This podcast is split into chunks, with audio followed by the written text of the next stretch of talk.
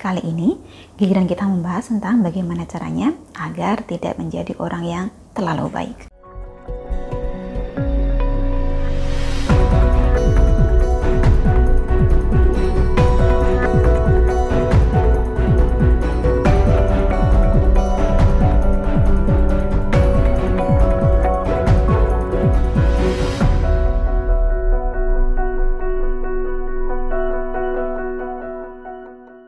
Salam Rahayu, dengan Dewi Sundari di sini.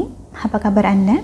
Saya doakan semoga selalu sehat dan senantiasa diberikan kemudahan serta kelancaran di mana pun Anda berada. Sebelumnya, sudah kita bahas soal cirinya orang yang terlalu baik.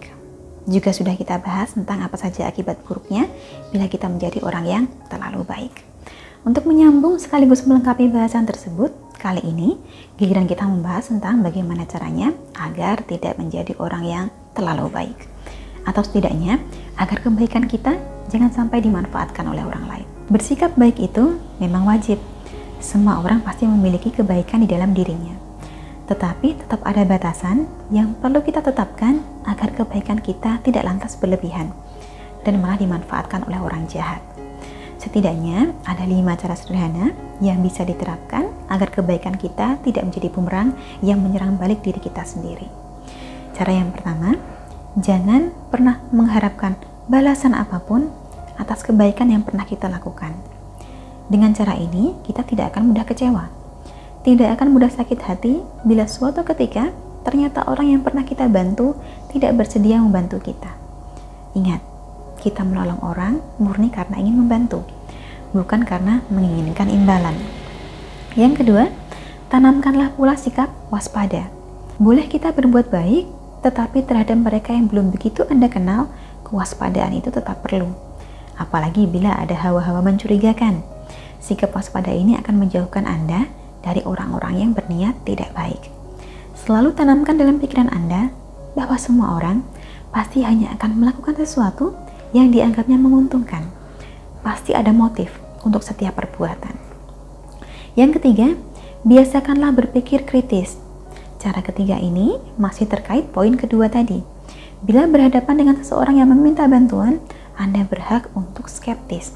Anda berhak untuk lebih kritis. Jangan mudah dibodohi dan hanya berikan bantuan yang sifatnya masih wajar. Yang keempat, milikilah sifat tegas. Anda harus punya kemampuan untuk menolak permintaan orang lain. Karena kalau selalu diiyakan, selalu dituruti, Anda hanya akan terjebak dalam rasa tidak enak yang berkepanjangan. Bila terlalu mudah menuruti permintaan orang, lama-kelamaan Anda akan dimanfaatkan. Untuk itu, ada kalanya permintaan yang sulit Anda penuhi, lebih baik ditolak saja. Kemudian cara yang terakhir atau cara yang kelima, benahilah prioritas Anda. Anda memang perlu berbuat baik, tetapi tidak hanya pada orang lain, pada diri sendiri pun Anda membutuhkan kebaikan. Maka dari itu, kenalilah prioritas Anda.